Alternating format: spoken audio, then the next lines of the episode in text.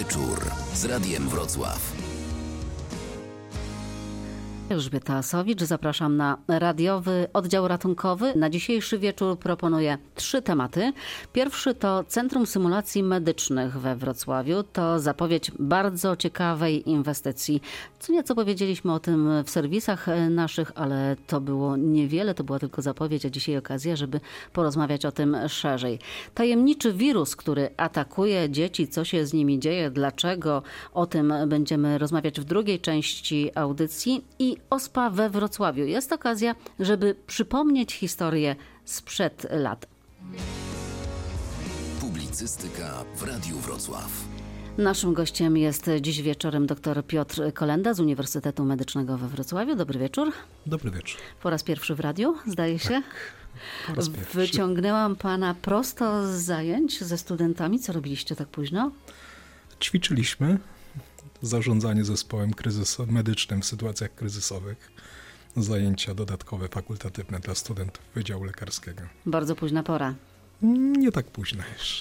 To okazuje się, że to taka codzienność e, w kształceniu e, studentów. E, dzisiaj będziemy rozmawiali o Centrum Symulacji Medycznej, bo jak dowiedziałam się na uczelni pan o takim centrum, które ma powstać, wie wszystko. Zresztą e, w ubiegłym tygodniu była konferencja na ten temat i pan przedstawiał tam e, plany, e, opowiadał o tym, jak to ma wyglądać. Skąd pana wiedza o tym? Pan się z tym jakoś szczególnie zajmuje? Na tę chwilę tak, zdecydowanie tak. Natomiast od szeregu lat, bo od kilkunastu lat, praktycznie przez większość mojego życia zawodowego, uczę z wykorzystaniem technik symulacyjnych. Myślę, że to stąd ta wiedza. I od razu zdementuję to, że wiem wszystko. Oczywiście wszystkiego nie wiem. Ale wie pan naprawdę bardzo dużo. Właśnie chciałabym, żebyśmy porozmawiali o tym, jak to wygląda teraz i co ma się zmienić w, w przyszłości. Ja tylko e, krótko powiem, że to centrum e, ma kosztować 33 miliony złotych, ma służyć przyszłym e, studentom, studentom. Budowa ma ruszyć jeszcze w tym roku, tak aby nowy rok akademicki zacząć z salami do zajęć praktycznych na najwyższym światowym poziomie. I zanim zaczniemy rozmawiać o tym, jak to będzie wyglądać, może już właśnie za rok, to jak sobie radzicie teraz, proszę powiedzieć? Jak studenci uczą się praktycznej e, praktyki e, zawodu? Pierwsze trzy lata to siedzą w salach wykładowych, uczą się anatomii, biochemii. Kiedy wychodzą do pacjentów? A pierwszy raz studenci naszego Uniwersytetu Medycznego spotykają pacjentów jako lekarze oczywiście, czy może jako przyszli lekarze, czy adepci tej sztuki, spotykają ich na trzecim roku na zajęciach z propedeutyki pediatrii, z, pro, z propedeutyki chorób wewnętrznych. Oczywiście trafiają wcześniej do szpitali na praktyki zawodowe, praktyki pielęgniarskie, a także, także uczą się początkowo tych umiejętności, które mają im pomóc, myślę, w dobrym zrozumieniu współpracy z innymi grupami zawodowymi opiekującymi się pacjentami. Natomiast e, de facto w roli lekarza czy przyszłego lekarza występują dopiero na trzecim roku, kiedy uczą się tego badania klinicznego już na pacjencie. Ale właśnie mogą już, mogą już dotykać, badać, robić zastrzyki, czy tylko mogą się hmm. przyglądać z zapleców profesora? Oczywiście wszystko to odbywa się za zgodą pacjenta, bo pacjent jest poinformowany o tym, że, że będzie badany przez przez studentów. Są to natomiast procedury nieinwazyjne. Problem się zaczyna dopiero w chwili, kiedy trzeba zacząć uczyć studentów tych umiejętności technicznych bądź klinicznych, które są w jakimś stopniu inwazyjne, dlatego że studentom tak naprawdę nie wolno wykonywać tych procedur nawet chyba za zgodą pacjenta. Każdy, wydaje. kto był kiedyś w szpitalu, pewnie widział taki wianuszek e, młodych ludzi w białych fartuchach, który przetacza się za lekarzem prowadzącym i rzeczywiście tam następuje taka, takie omawianie przypadków, e, więc e, rzeczywiście jak wchodzi lekarz prowadzący i zanim taka grupa studentów, to najpierw to jest właśnie tak jeszcze bez dotykania, tak trochę z pewnej odległości, takie oglądanie i omawianie. I wiem, że e, widuję to czasem, często bywam na klinikach na Borowskiej, że tam padają trudne pytania wobec tych e, studentów. No na pewno. Trudno jest uczyć umiejętności praktycznych bez tego przygotowania teoretycznego. Natomiast a, bez umiejętności praktycznych tak naprawdę trudno będzie tym studentom wykonywać w przyszłości zawód lekarza. Stąd a, no jest, to, jest, to, jest, to zawód, jest to zawód, który jest jak gdyby na pograniczu i sztuki, i rzemiosła tak naprawdę. I o ile sztuki studenci uczą się później już w relacji jeden do jednego ze swoim mentorem czy opiekunem specjalizacji w czasie stażu podyplomowego, czy później w czasie już specjalizacji, szkolenia specjalizacyjnego, o tyle w czasie studiów efektywność nauczania umiejętności praktycznych myślę, że nie jest optymalna. Oczywiście my uczymy umiejętności praktycznych. To nie jest tak, że na uniwersytecie, na uniwersytecie nie naucza się tych umiejętności. Natomiast chcemy zoptymalizować, podnieść jakość kształcenia tych umiejętności praktycznych, tak żeby nasi studenci uzyskiwali jeszcze a wyższe kompetencje i, i umiejętności. Ale właśnie. praktycznie, porozmawiajmy o tym, jak to praktycznie wygląda, bo to jest tak, że ci studenci, zanim pozwoli im się dotknąć jakiegokolwiek e, pacjenta, muszą to gdzieś przećwiczyć.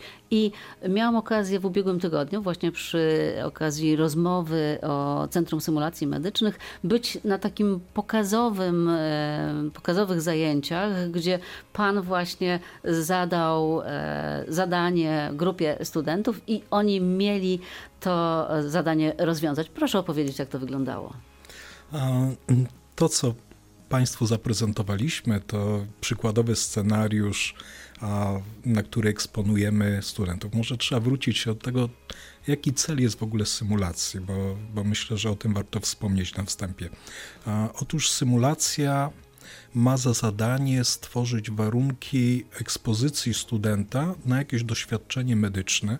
Mało tego, że jest to doświadczenie, to ono powinno być i zaprogramowane, i kontrolowane, i w jakiś sposób powtarzalne, tak żeby można było kolejnych studentów również poddać temu samemu procesowi, żeby ich, ich umiejętności były porównywalne. Natomiast istotą e, symulacji nie jest zastąpienie pracy z pacjentem, to jest tak naprawdę wstęp do pracy z pacjentem. Celem symulacji jest przygotowanie do pracy z pacjentem efektywne, jak również i nauczenie tych studentów umiejętności technicznych i klinicznych, inwazyjnych, których nie możemy ich uczyć na żywych pacjentach po prostu. Ale ja powiem może trochę bardziej obrazowo, bo e, miałam okazję to obserwować i wyglądało to niesamowicie dość, e, dlatego że tam były prawdziwe. Leżał na stole e, fantom, manekin, który imitował pacjenta, a studenci zachowywali się tak, jakby to był co najmniej prawdziwy pacjent. Tam były prawdziwe emocje. Zresztą mm, pan podczas y, tych zajęć y, wprowadzał taki nastrój, że uważajcie, za chwilę podjedzie karetka, za chwilę z piskiem opon zatrzyma się na podjeździe i za chwilę dostaniecie w wasze ręce właśnie pacjenta, któremu trzeba udzielić e, pomocy. Co to był za pacjent? Jaki był ten przypadek? To był pacjent z napadem duszności, z napadem astmy, o ile dobrze pamiętam, bo już dzisiaj miałem kilka kolejnych scenariuszy ze studentami i trudno ja mi przywołać co pan doktor, Ja jeszcze przy, podpowiem, co pan doktor robił w czasie, kiedy studenci walczyli o życie tego pacjenta. Pan doktor e, stał w pewnej odległości i robił mniej więcej tak. Ach, ach, pan imitował e, odgłosy wydawane przez tego potencjalnego, ewentualnego to, pacjenta, to, żeby ich jeszcze bardziej. To niestety ograniczenie naszej pracowni symulacyjnej. Niestety nie jest to pracownia wysokiej wierności. Wobec tego część, część tego, co będzie odbywać się w naszym centrum symulacji w przyszłości, mam nadzieję, musimy, musimy kompensować w jakiś inny sposób. Akurat w tym przypadku podkładając samodzielnie głos pod tego Świetnie, pacjenta. Świetnie, aktorsko sobie pan e, radził. Jak poradzili sobie studenci? A w efekcie całości tego zdarzenia doszło do zatrzymania krążenia. Wobec tego sytuacja była naprawdę krytyczna, a studenci moim zdaniem poradzili sobie, to byli studenci roku czwartego, piątego, wobec tego pierwszych lat, pomimo tego, że to byli studenci z Koła Naukowego Symulacji Medycznych, którzy jak gdyby ćwiczą te scenariusze na naszych spotkaniach Koła Naukowego, to poradzili sobie moim zdaniem bardzo dobrze. Oczywiście nie ustrzegli się kilku błędów, ale, ale to jest właśnie to sedno symulacji, to co starałem się Państwu zaprezentować. To znaczy, te błędy dają nam informacje o tym, jakie są nasze ograniczenia, jakie są nasze niedoskonałości. Mało tego, ja się bardzo cieszę z tych błędów, dlatego że na tych błędach jesteśmy w stanie przyjrzeć się efektywności tego, co, co uczymy, czego już nauczyliśmy i skoncentrować nasze działania na, na wszystkie jeszcze niedociągnięcia i poprawić. Także te błędy posłużyły, jak Państwo zapewne widzieliście w czasie już odprawy po, po całym tym scenariuszu. Bo potem tego, żeby... następuje omawianie tego, co się działo na sali czy, czy na sorze, ale y, właśnie też widziałam, jaką dużą rolę odgrywa praca zespołowa, zespołu rozdziału ról, żeby każdy wiedział, co ma robić, żeby nie plątał się gdzieś tam pod nogami.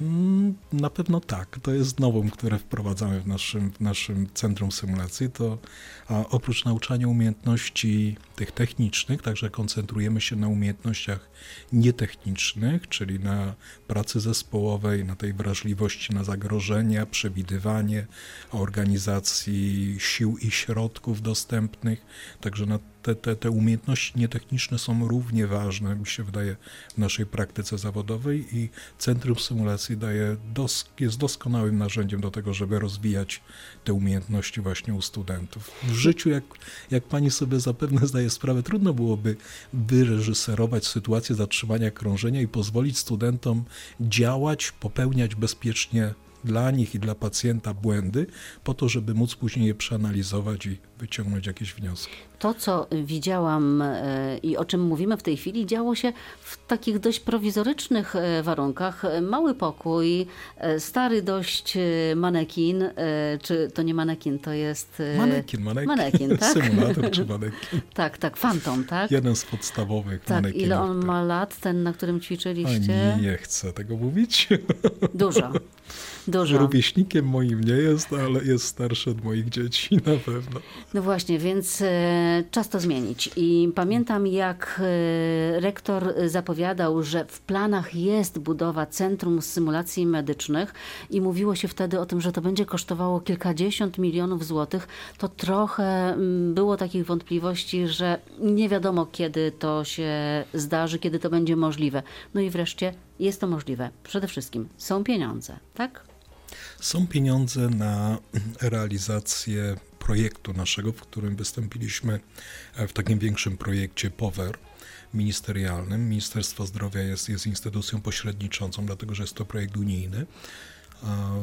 Dzięki, dzięki temu projektowi pozyskaliśmy niespełna 18 milionów, bo 18 milionów bez 150 tysięcy na cele edukacyjno-szkolne szkoleniowe na wyposażenie Centrum Symulacji, jak i również na zatrudnienie nowych pracowników do Centrum Symulacji, bo nie mamy takowego u nas na uniwersytecie, wobec tego będziemy musieli część tego personelu do obsługi Centrum Symulacji raz zatrudnić, a dwa wyszkolić, tak żeby to mhm. centrum mogło funkcjonować. 18 milionów e, dostaliście z Ministerstwa Zdrowia, ale resztę trzeba dołożyć samemu. 33 milionów wszystko mm, będzie. Resztę trzeba dołożyć samemu i to jest, to jest e, kolejne działanie, czyli zaadoptowanie zabytkowego obiektu, mm, jakim była pralnia czy też kuchnia. No właśnie, ten One budynek. wiele przeznaczeń wcześniej. Tak, ten budynek z kominem. Zresztą tutaj na stronie e, Radia Wrocław mamy ten budynek. E,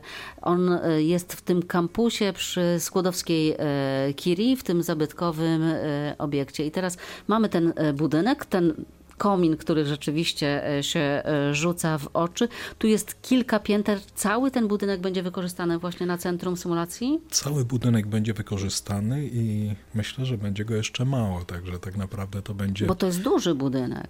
A on jest duży, natomiast a, jesteśmy bardzo ograniczeni a, ingerencji, e, znaczy w kwestii konserwator zabytków będzie pan, zabytków, patrzył dlatego, na ręce. Znaczy akurat z tym nie mamy problemu, dlatego że mieliśmy bardzo dobre biuro projektowe, które zaprojektowało nam i tę część budowlaną i funkcjonalną Centrum Symulacji, przestrzegając ściśle zaleceń architekta jak i konserwatora zabytków, także o to się nie boimy. Natomiast a, musicie Państwo sobie uzmysłowić, że a, potrzeby symulacyjne są olbrzymie, dlatego że poprzez symulację medyczną można nauczać wszystkich umiejętności technicznych, klinicznych i tych nietechnicznych. To dobrze, również. opowiedzmy w takim razie, jak to będzie wyglądało.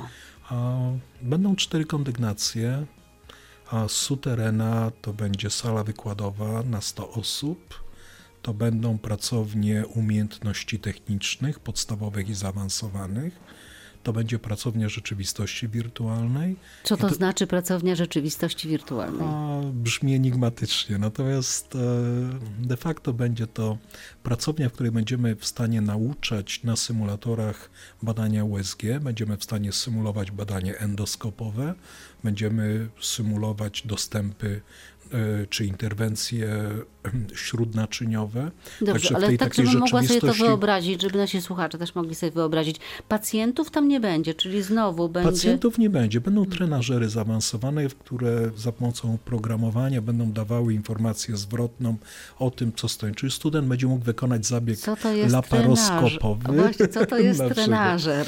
To są, to są urządzenia do słudzenia zewnętrznie przypominające tak naprawdę instrumenty medyczne, czy urządzenia urządzenia medyczne, jak aparat do USG, czy też aparat do laparoskopii, do torakoskopii, artroskopii, cystoskopii, endoskopii, czyli tak zwanej gastroskopii, czy też rektoskopii, bo, bo można zasymulować tak naprawdę wszystko. Wszystko zależy oczywiście od sprzętu, jaki, jaki zakupimy na tego porze. Natomiast będziemy w stanie dać studentowi możliwość przeprowadzenia takiego prostego zabiegu z użyciem właśnie tych zaawansowanych technik i w ten sposób będzie mógł nabrać jakichś pierwszych doświadczeń, czy, czy zrozumieć de facto na czym polega, jako będzie to doskonałe przygotowanie do, Bo ta zdolność manualna też tutaj się liczy, można ją wytrenować właśnie, żeby operować tymi, tymi narzędziami. Bezwzględnie. Myślę, że, że to jest właśnie ta przewaga, dlatego że nikt studentowi w życiu nie pozwoliłby tego wykonać e, na żywym organizmie. Na bloku operacyjnym, oczywiście na żywym organizmie. Natomiast tutaj będzie taka możliwość i, i myślę, że studenci dzięki temu opuszczą nasz uniwersytet z dodatkowymi umiejętnościami czy kompetencjami. Kolejne sale i te kolejne sale są bardzo interesujące. Mamy tutaj w planach, macie tutaj Państwo Oj. w planach. Przechodzimy na parter, a parter z kolei to a, szpitalny oddział ratunkowy, tak wielostanowiskowy. Jak tak jak prawdziwy oddział tak, ratunkowy gdzie będziemy w stanie również, w prawdziwym szpitalu. Tak, gdzie będziemy również w stanie zasymulować zdarzenie masowe z koniecznością segregacji wewnątrzszpitalnej poszkodowanych, a przylegle do szpitalnego oddziału ratunkowego będziemy mieć również salę środowiskową i ambulans i symulator ambulansu. To wszystko, o czym mówię, to są sale symulacyjne wysokiej wierności, to znaczy tam nauczyciele nie wchodzą w działania e, studentów, a jedno, jedynie kierują nimi ze sterowni, rejestrując to wszystko, dopiero po zajęciach zabierają studentów do sal odpraw, gdzie... Od... Jeszcze zanim przejdziemy do sali odpraw, e, te sale wysokiej wierności. Dokończę. Takiego, właśnie, Dobrze. właśnie. Wobec tego oprócz szpitalnego oddziału ratunkowego, ambulansu i sali środowiskowej, a będzie oddział intensywnej terapii, dwustanowiskowy dorosłych i dziecięcy. Będzie e, intensywna terapia noworodka, będzie sala wysokiej wierności pielęgniarska, będzie blok operacyjny umożliwiający przeprowadzenie znieczulenia z informacją zwrotną z manekinem wysokiej wierności. Będzie również blok porodowy, który będzie umożliwiał przeprowadzenie porodu czy uczestnictwo w tym porodzie ze wszystkimi zdarzeniami, które można zasymulować wokół. I to, I to z sal wysokiej wierności już wszystkie. To jeszcze proszę rozszyfrować tą wysoką wierność. A wysoka wierność polega na tym, że mamy sale symulacyjne wysokiej i niskiej wierności. I teraz te sale wysokiej wierności są to sale, w których my nie ingerujemy w działania zespołu studentów, czy też to równie dobrze mogą być zespoły lekarzy w przypadku kształcenia podyplomowego. Oni no wchodzą prostu... do takiego pomieszczenia, które wygląda dokładnie jeden do jednego, jak w prawdziwym szpitalu. Tak. Mhm. Mało tego jest wyposażone tak jak prawdziwy szpital, a oni wchodząc rozpoczynają działania w oparciu o scenariusz kierowany ze sterowni przez... A wykładowcy to wszystko mogą obserwować. Oni mało tego, że obserwują, oni bardzo często ingerując, modyfikując ten scenariusz w zależności od, od działań studentów e, w sali. Także Całe to działanie jest prowadzone wówczas przez dwie osoby zwykle. To jest technik symulacji, który obsługuje całą tę symulację od strony technicznej i nauczyciel symulacji wysokiej wierności, czyli ktoś, kto dba o poprawność o poprawność tych działań, jak i również odpowiada za merytorykę tego scenariusza i modyfikuje go w zależności od działań. Ja domyślam się, że e, taki wykładowca e, nie będzie oszczędzał e, studentów i będzie im tam wprowadzał różne niespodzianki, które w życiu też mogą się Na zdarzyć. No tak, taka jest istota symulacji, żeby, żeby eksponować, doświadczać tych studentów, jak najbardziej jest to możliwe dlatego że jest to bezpieczne. Po prostu są to bezpieczne warunki. Natomiast a, istotą tego zdarzenia jest nagranie, zarejestrowanie tego zdarzenia i dopiero odprawa już po zdarzeniu z tymi studentami, czyli analiza obrazu, dźwięku, pod kątem oczywiście tych działań, które były wykonane poprawnie, które wymagają wzmocnienia i utrwalenia oraz tych wszystkich błędów, niedociągnięć, które wymagają jakiejś korekty. Także że jest to Mhm. Duże doświadczenie dla studentów. Jeśli z, je, jeszcze zanim przejdziemy do tej e, sali odpraw, do tego ostatniego akcentu, to chciałam zapytać, jak będą wyglądały te fantomy nowoczesne właśnie? Pan miał okazję już to widzieć, doświadczyć tego? Tak. Jak to te wygląda? fantomy są bardzo zaawansowane. To tam e, prowadzący nie musi odgrywać głosu, dlatego że te fantomy same są w stanie, a może nie tyle e, Wydają dźwięki? Wydawać, wyda, dźwięki wydają. Dźwięki wydają same z siebie, to znaczy możemy to zaprogramować, natomiast zwykle z ich e, ust płynie głos instruktora, czy to jest z głośników ze sterowni, natomiast jest to, jest to bardziej, bardziej realne, aniżeli ta symulacja niskiej wierności, której Państwo doświadczyliście mhm. w naszej pracowni symulacyjnej. Taki manekin jak najbardziej może płakać, może wymiotować, może czkać, może głośno odbije, e, oddychać a jest w stanie symulować wiele dźwięków, także a nie musimy mówić studentom, co oni znajdują, osłuchując klatkę piersiową. Jesteśmy w stanie wygenerować te e, szmery nad płucami, czy też tony serca odpowiednio. Także dajemy, dajemy tak naprawdę prawdziwego pacjenta, którego de facto można zbadać, wyciągnąć wnioski postawić diagnozę i rozpocząć leczenie. Czy tam też da się kroić, szyć i e, czy to są takie A, nienaruszalne? Częściowo tak, natomiast jest to niezmiernie kosztowne. Raczej te takie procedury, które, które naruszają integralność, wykonuje się na, na trenażerach troszkę niższej wierności. Natomiast te najbardziej zaawansowane symulatory dają możliwość taką, ale jest to bardzo kosztowne i nie wiem, czy będziemy z tego korzystać. Zważywszy na to, że a, Myślę, że cały proces edukacji w centrum symulacji będzie zaczynał się od tych podstawowych umiejętności. Dopiero gdy studenci nabędą tych umiejętności technicznych, a następnie klinicznych, dopiero będą eksponowani na symulacje niskiej wierności i wysokiej wierności ostatecznej, gdzie już będziemy, wiedząc, że mają podstawy i techniczne, i kliniczne, a będziemy w stanie wykorzystać te, te, te wszystkie umiejętności, inkorporując je a w scenariusze symulacyjne, gdzie, gdzie będą działać jak przy żywym pacjencie. A taka, takie proste pytanie, jak studenci uczą się szycia, takiego operacyjnego szycia? Czy to rzeczywiście wygląda tak e, pierwotnie, że to jest materiał, nitka i igła? No, to, to tak było. My będziemy właśnie starać się to zmienić, to znaczy będą takie specjalne trenażery do szycia, gdzie studenci będą na nich w stanie zakładać szwy, Bo to jednak zbliżać ze sobą inaczej. tkanki, także, a, także mamy zaplanowany zakup również takich trenażerów, które umożliwią naukę szycia chirurgicznego, a, zakładania drenażu do jamy opłucnowej, zabezpieczania dróg oddechowych, jak i również tych nieinwazyjnych procedur, jak badanie gruczołu piersiowego, jak badanie przez odbyt pacjenta, czy, czy z inwazyjnych jeszcze zakładanie dostępów do naczyniowych. Zanim przejdziemy do tej sali odpraw, to jeszcze, czy mógłby Pan powiedzieć taki przykładowy scenariusz takiego ćwiczenia, które być może czekać będzie właśnie e, studentów? Wchodzi grupa studentów no, do takiej to bardzo, sali. bardzo złożone. Tak naprawdę, a budując scenariusz, musimy zawsze zadać sobie pytanie, co chcemy uzyskać dzięki temu scenariuszowi. To znaczy, albo chcemy a, nauczyć, czy też sprawdzić, czy student posiada umiejętności techniczne, czy też nietechniczne, a tak naprawdę to jesteśmy w stanie jedno i drugie zweryfikować poprzez dobrze zbudowany scenariusz.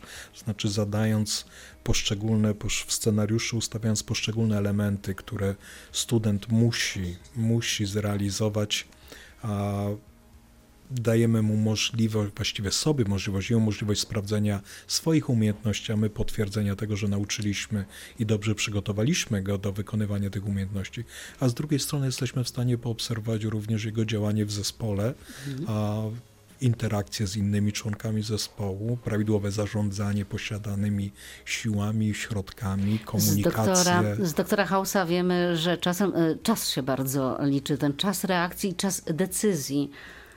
To, to nie można się tam zastanawiać w nieskończoność, bo liczą się sekundy. Te scenariusze nie są długie, to te scenariusze trwają 10-15 minut i po 15 minutach scenariusz się, scenariusz się kończy i studenci wychodzą z prowadzącym na odprawę i zaczynają go omawiać.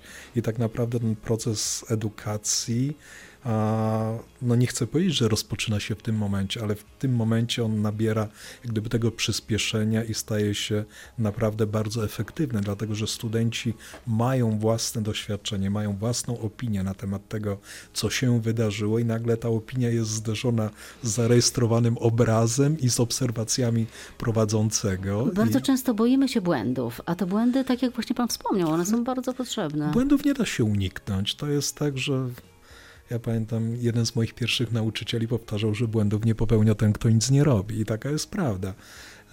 Natomiast mi się wydaje, że tak jak już powiedziałem, celem symulacji nie jest zastąpienie pracy z pacjentem. Celem symulacji jest przygotowanie studenta, czy też przyszłego lekarza do pracy, bezpiecznej pracy z pacjentem.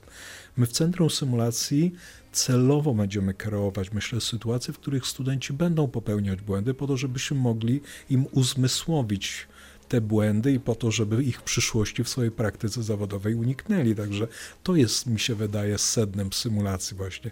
Bezpieczeństwo popełniania błędów i uczenia się na tych błędach, dlatego że każdy popełnia błędy. To to jak e, poligon dla żołnierzy. No tak, to tak jak poligon dla żołnierzy. Bez Dobrze, ostrej amunicji to oczywiście. już wiemy, co tam będzie się działo, wiemy, gdzie to będzie, jaki jest plan i najbliższe działania, kiedy pierwsza łopata na budowie. Oj, tego to nie potrafię powiedzieć. Wiem, że Jeszcze mamy ogłoszony roku? przetarg. Musimy to w tym roku, dlatego że a, nasze działania są zaplanowane tak, że chcielibyśmy w maju, czerwcu przyszłego roku przystąpić do wyposażenia naszego centrum, po to, żebyśmy mogli rozpocząć edukację z wykorzystaniem technik symulacyjnych a z rok, w roku akademickim 2017-18. Z tego teoretycznie Centrum Symulacji powinno działać październiku 2017 roku dyrektor uczelni na konferencji, kiedy otwierał, kiedy mówił o tym, że właśnie ta inwestycja rusza, mówił, że z książek, z samych książek medycyny jeszcze nikt się e, nie nauczył, więc to Centrum e, Symulacji Medycznych jest niezwykle potrzebne. Powstaje zresztą nie tylko we Wrocławiu, ale także w 11 innych miastach, w sumie w 12. To myślę, że trochę e, może zmienić polską medycynę i przygotowanie tych młodych ludzi do zawodu. Teraz jeszcze tylko pytanie, żeby nie uciekli nam za chwilę gdzieś dalej, żeby zostali i nie chcieli leczyć jeszcze e, nas e, tutaj. Myślę, że musimy stworzyć im godziwe warunki do tego, żeby mogli wykonywać swój zawód tutaj. Naszym gościem był e, dzisiaj dr e, Piotr e, Kolenda z Uniwersytetu Medycznego we Wrocławiu. Bardzo panu dziękuję ja za dziękuję. wizytę w studiu. Pierwszy raz było, nie bolało jakoś strasznie. Nie, było mi bardzo miło. Dziękuję najmocniej. Będziemy przyglądać się oczywiście budowie i donosić państwu kolejno informacje o tym, co tam się dzieje, kiedy pierwsza łopata, kiedy już centrum będzie gotowe. Na pewno tam zajrzymy.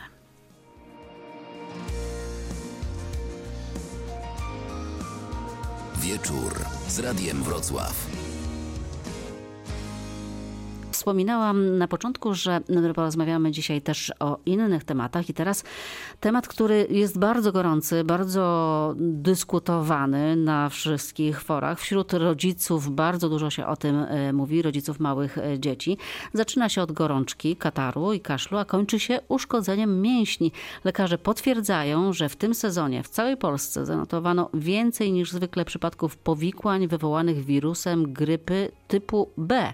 Dzieci, najczęściej chłopcy, nie mogą chodzić. Ból pojawia się w okolicy łydek. Wrocławianka, której syn nagle zachorował, była przerażona. No to był szok, bo ze zdrowego wydawałoby się dziecka dzień wcześniej, następnego dnia rano budzi się dziecko z płaczem, że nie może zejść z łóżka.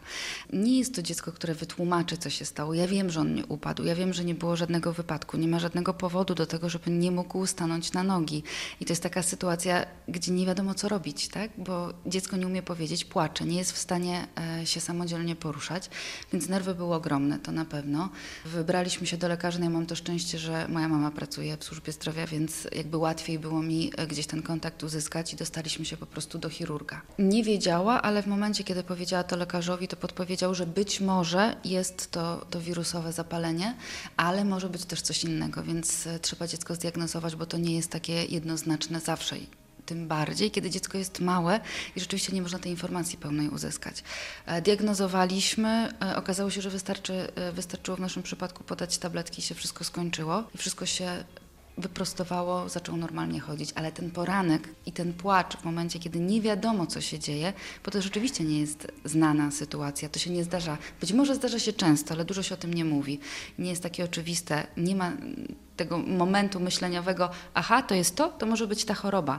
Wtedy nerwy są mniejsze, też wiadomo, jak to diagnozować, a, a przy takim małym dziecku to naprawdę stres jest niewyobrażalny. Rodzice często nie wiedzą, ale lekarze chyba już się orientują. Jak się pójdzie do tego lekarza, to on może wpaść na taki pomysł, że to może być to. A to też zależy, bo rozmawiałam z koleżanką, która była u lekarza e, tak zwanego pierwszego kontaktu. Poszła do pediatry z synkiem, który kilka tygodni temu miał dokładnie ten sam przypadek. Ja z nią rozmawiałam już po, fakcie, bo gdybyśmy to zrobiły wcześniej, to by mi podpowiedziała, że jest taka możliwość.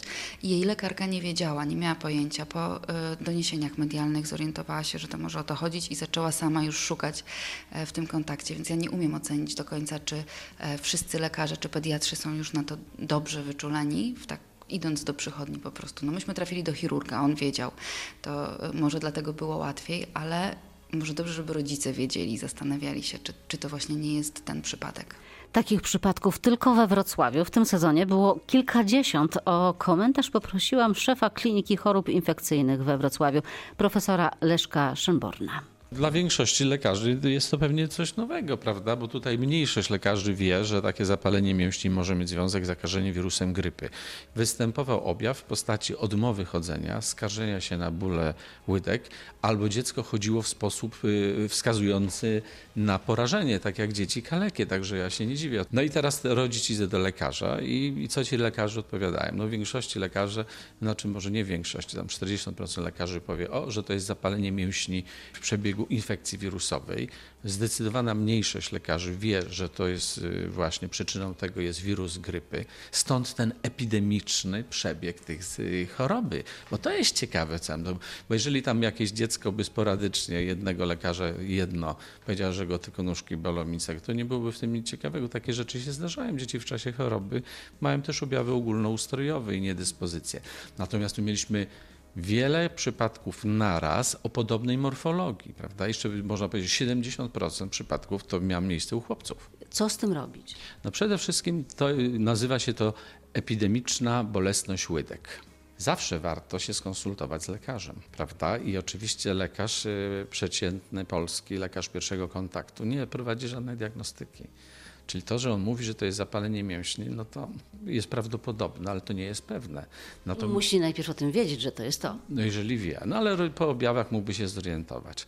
No lekarze też wiedzą, że ta choroba ma bardzo dobre rokowanie i szybko, że tak powiem, przechodzą te duże objawy. I to może jest taką pokusą, że nie diagnozują tych pacjentów. Ale chciałbym tutaj zwrócić uwagę, że oznaczenie enzymu kinazy kreatyninowej kosztuje 8 zł, że można za bardzo tanie pieniądze potwierdzić że mamy do czynienia z zapaleniem mięśni i powiedzieć tym rodzicom, że jeżeli to w ciągu dwóch, trzech dni zasadniczo się nie poprawi, to ten pacjent jest do dalszej diagnostyki. Bo proszę sobie wyobrazić, że pośród kilkunastu pacjentów, yy, którzy przychodzili z takimi samymi objawami w tym roku do naszej kliniki, dwoje nie miało zapalenia mięśni, łydek, ale miało zespół Guillain-Barré. To jest po prostu ciężka po prostu uszkodzenie układu nerwowego obwodowego, demilinizacyjne, które wymaga leczenia, które wymaga drogiego leczenia szpitalnego i diagnostyki, prawda? Czyli to nie jest tak, o hurra, jest bardzo dobrze, prawda? Oczywiście, że większość przypadków to jest właśnie te, które się same zaleczą, czy lekarz wie, czy nie wie. Druga rzecz, którą zauważyliśmy, że polscy lekarze nie diagnozują, ale na oślep leczą, dlatego że prawie wszyscy ci pacjenci, dzieci były leczone antybiotykiem. No to jak można mówić rodzicowi, to jest infekcja wirusowa, a dajemy antybiotyki, które no, nawet rodzice wiedzą to, że antybiotyki na wirusy nie działają. Ta epidemia ciągle trwa. Czyli jeżeli dziecko, które miało tam wcześniej jakieś objawy choroby przeziębieniowej, mówi do mamy, że a będzie to typowo 70% chłopiec. Chłopcy są bardziej aktywni fizycznie i stąd pewnie to powikłanie częściej u nich występuje. No, bolą mnie nóżki, prawda? No to, to też nie jest jeszcze problem, żeby lecieć z tym zaraz do lekarza, prawda? Jeżeli to dziecko na te nogi nie staje, prawda, odmawia chodzenia, no to to już jest objaw alarmowy, prawda? I oczywiście można domniemywać, że w czasie epidemii to jest znowu ten przypadek łagodnego zapalenia mięśni, ale ja bym tutaj polecił zawsze kontakt z lekarzem, który zbadać powinien dziecko i za niewielkie pieniądze można zdiagnozować, czy jest rzeczywiście to zapalenie mięśni, czyli podwyższenie tak zwanego enzymu, który w skrócie się nazywa CK lub CPK. Chodzi o fosfatazę kreatyninową, która pokazuje, że to właśnie z mięśni pochodzi. No i wtedy można powiedzieć rodzicom, nic nie trzeba robić. Takie dziecko nie wymaga żadnego leczenia, żadnego antybiotyku, żadnego poprawiacza odporności. Niepotrzebne mu już też szczepienie, bo to już jest za późno i niepotrzebny mu jest lek przeciwwirusowi grypy. Idzie do domu, i ma wypoczynkowy tryb życia, aż po prostu choroba się na tyle poprawi, że będzie sam wszystko robił. I to mija. I to jest dobre rokowanie. Należy też powiedzieć, że jeżeli choroba nie minie, a się nawet pogorszy, to powinno dziecko wrócić do lekarza i trzeba rozpocząć diagnostykę w kierunku innych chorób. Epidemiczna bolesność łydek. Tak nazywa się ta choroba. Trochę ciężko to zapamiętać i nie wygląda, nie, nie nazywa się ładnie, ale już e, mam wrażenie, że troszeczkę tę chorobę i te przypadki oswoiliśmy, bo rzeczywiście, kiedy po raz pierwszy o tym stało się głośno, to a szczególnie ci, których to doświadczyło rodziców, no to naprawdę mogli być e, przestraszani. Przypomnę, chorobę można potwierdzić prostym badaniem krwi, które kosztuje kilka złotych i wtedy wszystko będzie jasne. I przypomnę też, że aby zmniejszyć ryzyko zachorowania, wystarczy szczepienie przeciwko grypie sezonowej. W tym roku już raczej e, grypa jest w odwrocie, ale warto pamiętać o tym e, jesienią, bo rzeczywiście ryzyko wtedy jest o wiele mniejsze. Sprawdzałam w tym tygodniu, jak e, wygląda ta grypa zwykła, sezonowa, i wprawdzie jest mniej zachorowań niż w ubiegłym tygodniu, czyli wydaje się, że ona już zaczyna się wycofywać. Tak zwykle dzieje się w kwietniu, ale ciągle jeszcze jest ich, e, tych przypadków e, sporo. Ponad 8 tysięcy przypadków na Dolnym Śląsku. Żegnamy się powoli z grypą, ale jeszcze trochę trzeba na siebie uważać, bo to jest końcówka sezonu. Nie dajmy się teraz przed samym e, końcem grypie i dbajmy o siebie, a na przyszły rok naprawdę szczepienia. O tym zresztą będziemy rozmawiali w przyszłym tygodniu o szczepieniach nie tylko przeciwko grypie, ale różnych innych szczepieniach szczepieniach. Publicystyka w Radiu Wrocław. I jeszcze jeden temat na dzisiejszy wieczór. 24 kwietnia, to już niedługo, podczas kiedy Wrocław będzie stawał się światową stolicą książki UNESCO, zaplanowano spotkanie wokół książki Jerzego Ambroziewicza Zaraza we Wrocławiu. Taki tytuł e, był tej książki. To jest książka mówiąca o epidemii ospy. Ta książka powstała wiele lat temu, prawie pół wieku, ale właśnie teraz ma swoje wznowienie. Bardzo ciekawie napisana, tak w sposób e, reporterski. W spotkaniu w klubie Barbara udział wezmą Mariusz Szczygieł i profesor Andrzej Gładysz. Polecam gorąco to spotkanie. A teraz e, zapraszam do wysłuchania reportażu, który powstał w naszym radiowym cyklu Ocalić od y, zapomnienia, właśnie o epidemii ospy we Wrocławiu. Ospą zajęłam się w momencie, kiedy do archiwum trafiły akta Miejskiej Stacji Sanitarno-Epidemiologicznej e, we Wrocławiu z ulicy e, Składowej. E, znalazłam po prostu całą masę dokumentów, które były poukładane ładnie w tematyczne jednostki archiwalne i zarysowała mi się po przeczytaniu tychże dokumentów taka historia przebiegu całej właśnie epidemii, a przede wszystkim jej zwalczenia. Więc mm, zainteresowało mnie to, czy da się odtworzyć przebieg tej, y, tej choroby i metody, które zostały podjęte, żeby zwalczyć epidemię na terenie miasta. Tym bardziej, że wcześniej w archiwum mieliśmy już całą dokumentację fotograficzną wykonaną przez y, Mieczysława Dołęgę, fotografa Gazety Robotniczej. I po przeczytaniu właśnie akt, wszystko to ułożyło się w taką miarę całą, kompletną historię. Bo ta historia trochę jest postrzępiona. Faktycznie nie była kompletna do tej pory, dlatego że w zasadzie o ospie pisali czy mówili głównie lekarze, którzy byli świadkami e, tych wydarzeń. Oni z kolei mieli, e, widzieli e, całą tą sytuację przez pryzmat własnych doświadczeń.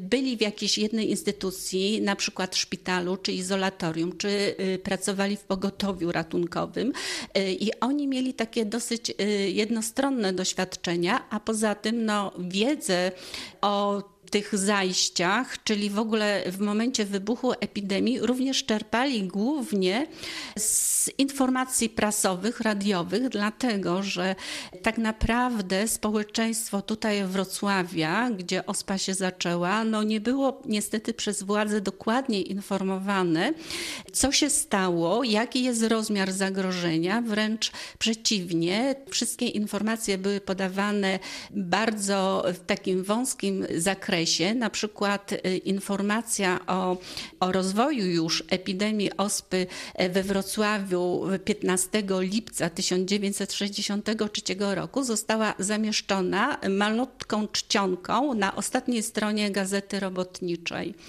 Także niewiele ludzi być może w ogóle to przeczytało. Przy czym jeszcze była właśnie taka ciekawostka, że żeby nie wzbudzać nadmiernej paniki, mówiło się tam o prawdopodobnym przypadku wystąpienia wystąpienia ospy na terenie Wrocławia i że dotychczas stwierdzono pięć takich przypadków. Natomiast wtedy, kiedy zamieszczano ten komunikat, wystąpienie właśnie tego wirusa, czyli w ogóle zachorowania na ospę było już potwierdzone przez lekarzy, to jest raz, a w szpitalu ospowym w Szczodrem 20 osób tym momencie już chorowało na ospę. Skąd takie oszczędne informowanie? Takie oszczędne informowanie y, o ospie, w ogóle o rozwoju epidemii na terenie Wrocławia wynikało stąd, że władze y, przede wszystkim bały się wybuchu paniki y, we Wrocławiu, ale wydaje mi się też, że tutaj chodziło o sprawy też gospodarcze, bo przede wszystkim w momencie, kiedy poinformowano by o faktycznym zagrożeniu, należałoby zamknąć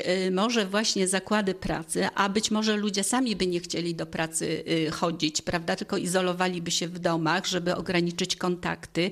Y, należałoby za, zamknąć kina, teatry, y, wszelkie instytucje takiej użyteczności publicznej, a tego się obawiano. Przede wszystkim obawiano się, żeby nie stanęła produkcja, bo to wyraźnie na jednej z narad zostało podkreślone, więc dlatego te informacje o ospie były dozowane bardzo stopniowo, to jest raz w oszczędnej formie, nawet w momencie, kiedy zapadła na jednej z narad u władz y, miejskich decyzja, e, żeby ostrzeżenia podawać w formie komunikatów radiowych, to po pewnym czasie czynniki partyjne stwierdziły, że ich ton jest zbyt alarmistyczny i należy go złagodzić, żeby w ludziach to nie, właśnie nie, nie wzbudzało takiego e, strachu czy, czy jakichś takich właśnie momentów zagrożenia. Wezwano mieszkańców Wrocławia do poddania się szczepieniom y, ochronnym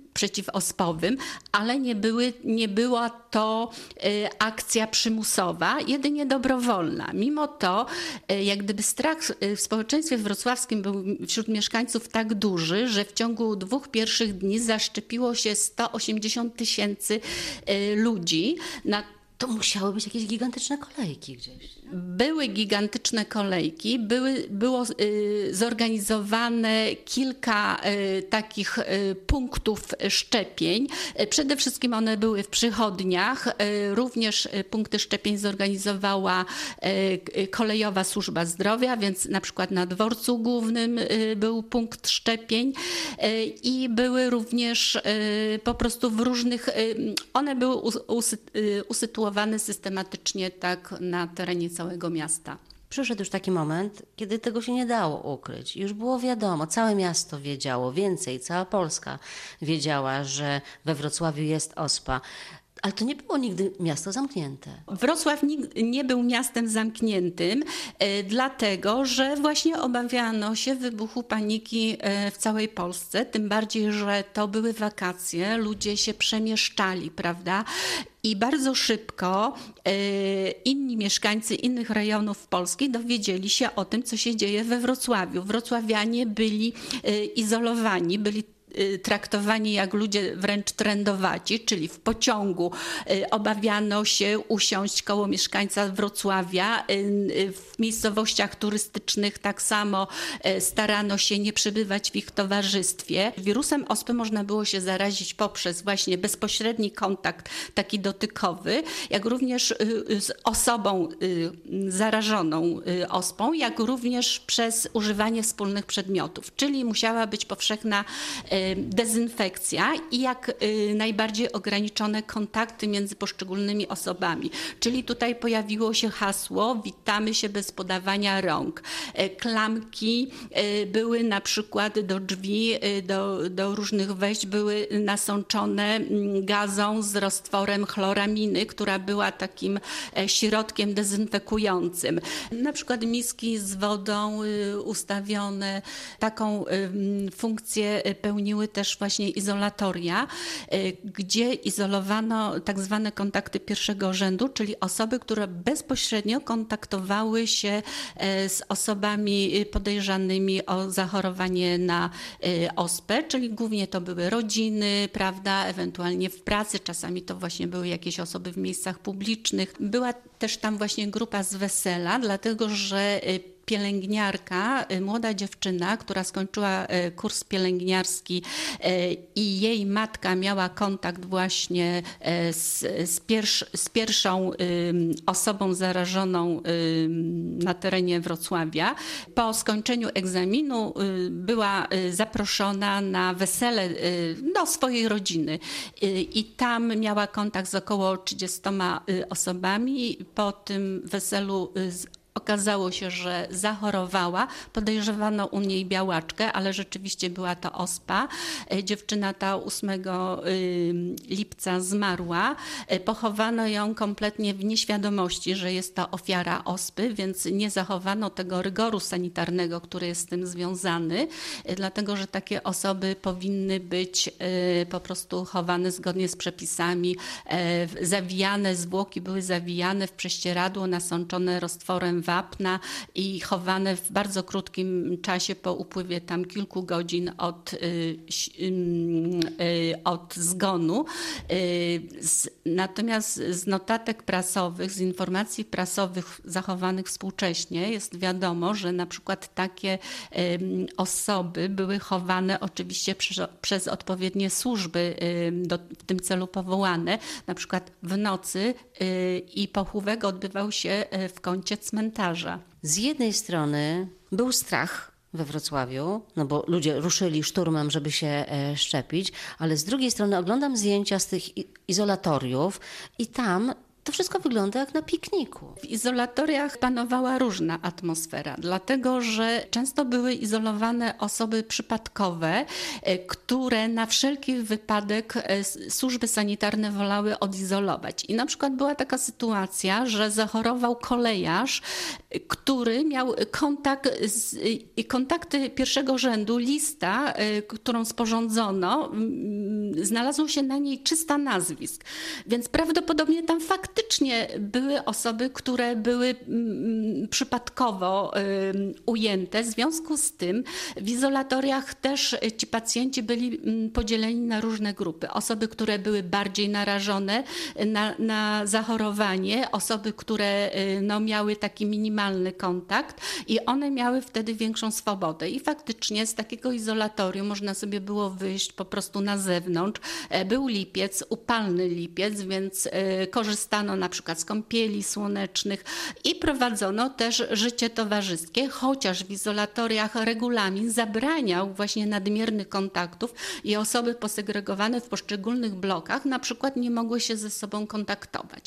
Ale starano się na wszelkimi sposobami na przykład e, no, naginać ten, ten regulamin i panowie oczywiście, no głównie tak, tak sądzę, że głównie to dotyczyło panów, postarali się o dopływ e, alkoholu do, e, do izolatoriów i wódka była przemycana wszelkimi możliwymi sposobami, ponieważ też na terenie Wrocławia utarło się, że e, alkohol jest środkiem dezynfekującym, zapobiegającym rozwojowi mm, tego wirusa ospy, o czym można wyczytać na przykład w notatkach milicyjnych, którzy sporządzali różne raporty y, na tą okoliczność. I na przykład dostarczano y, wódkę y, w paczkach żywnościowych, ponieważ izolowani mogli otrzymywać z zewnątrz paczki żywnościowe, albo na przykład na Praczach Odrzańskich, gdzie było mm, w technikum mm, rolniczym było, mm, istniało właśnie to izolatorium, na Preczach Odrzańskich zaczęła funkcjonować melina taka alkoholowa, z której e, czerpano właśnie, była źródłem zaopatrzenia e, w alkohol e, tegoż izolatorium. To dorośli, a dzieci? Dzieciom starano się dostarczać na przykład zabawki, dostarczano książki, także ten sposób no, starano się w jakiś sposób wypełnić ten czas, bezużyteczny czas w izolatorium, żeby e, właśnie ludziom w jakiś sposób troszeczkę e, uprzy, uprzyjemnić ten czas izolacji. Wszystkie te przedmioty ze względu na bezpieczeństwo po likwidacji izolatoriów, zaczęto je już likwidować pod koniec sierpnia, w zasadzie na początku września, zostały później e, spalone. To był fragment opowieści o wydarzeniach sprzed ponad pół wieku. To było lato 1963 roku. O epidemii ospy we Wrocławiu opowiadała badaczka Grażyna Trzaskowska z Archiwum Państwowego we Wrocławiu. Cały reportaż na naszej stronie internetowej radiowrocław.pl w zakładce reportaże.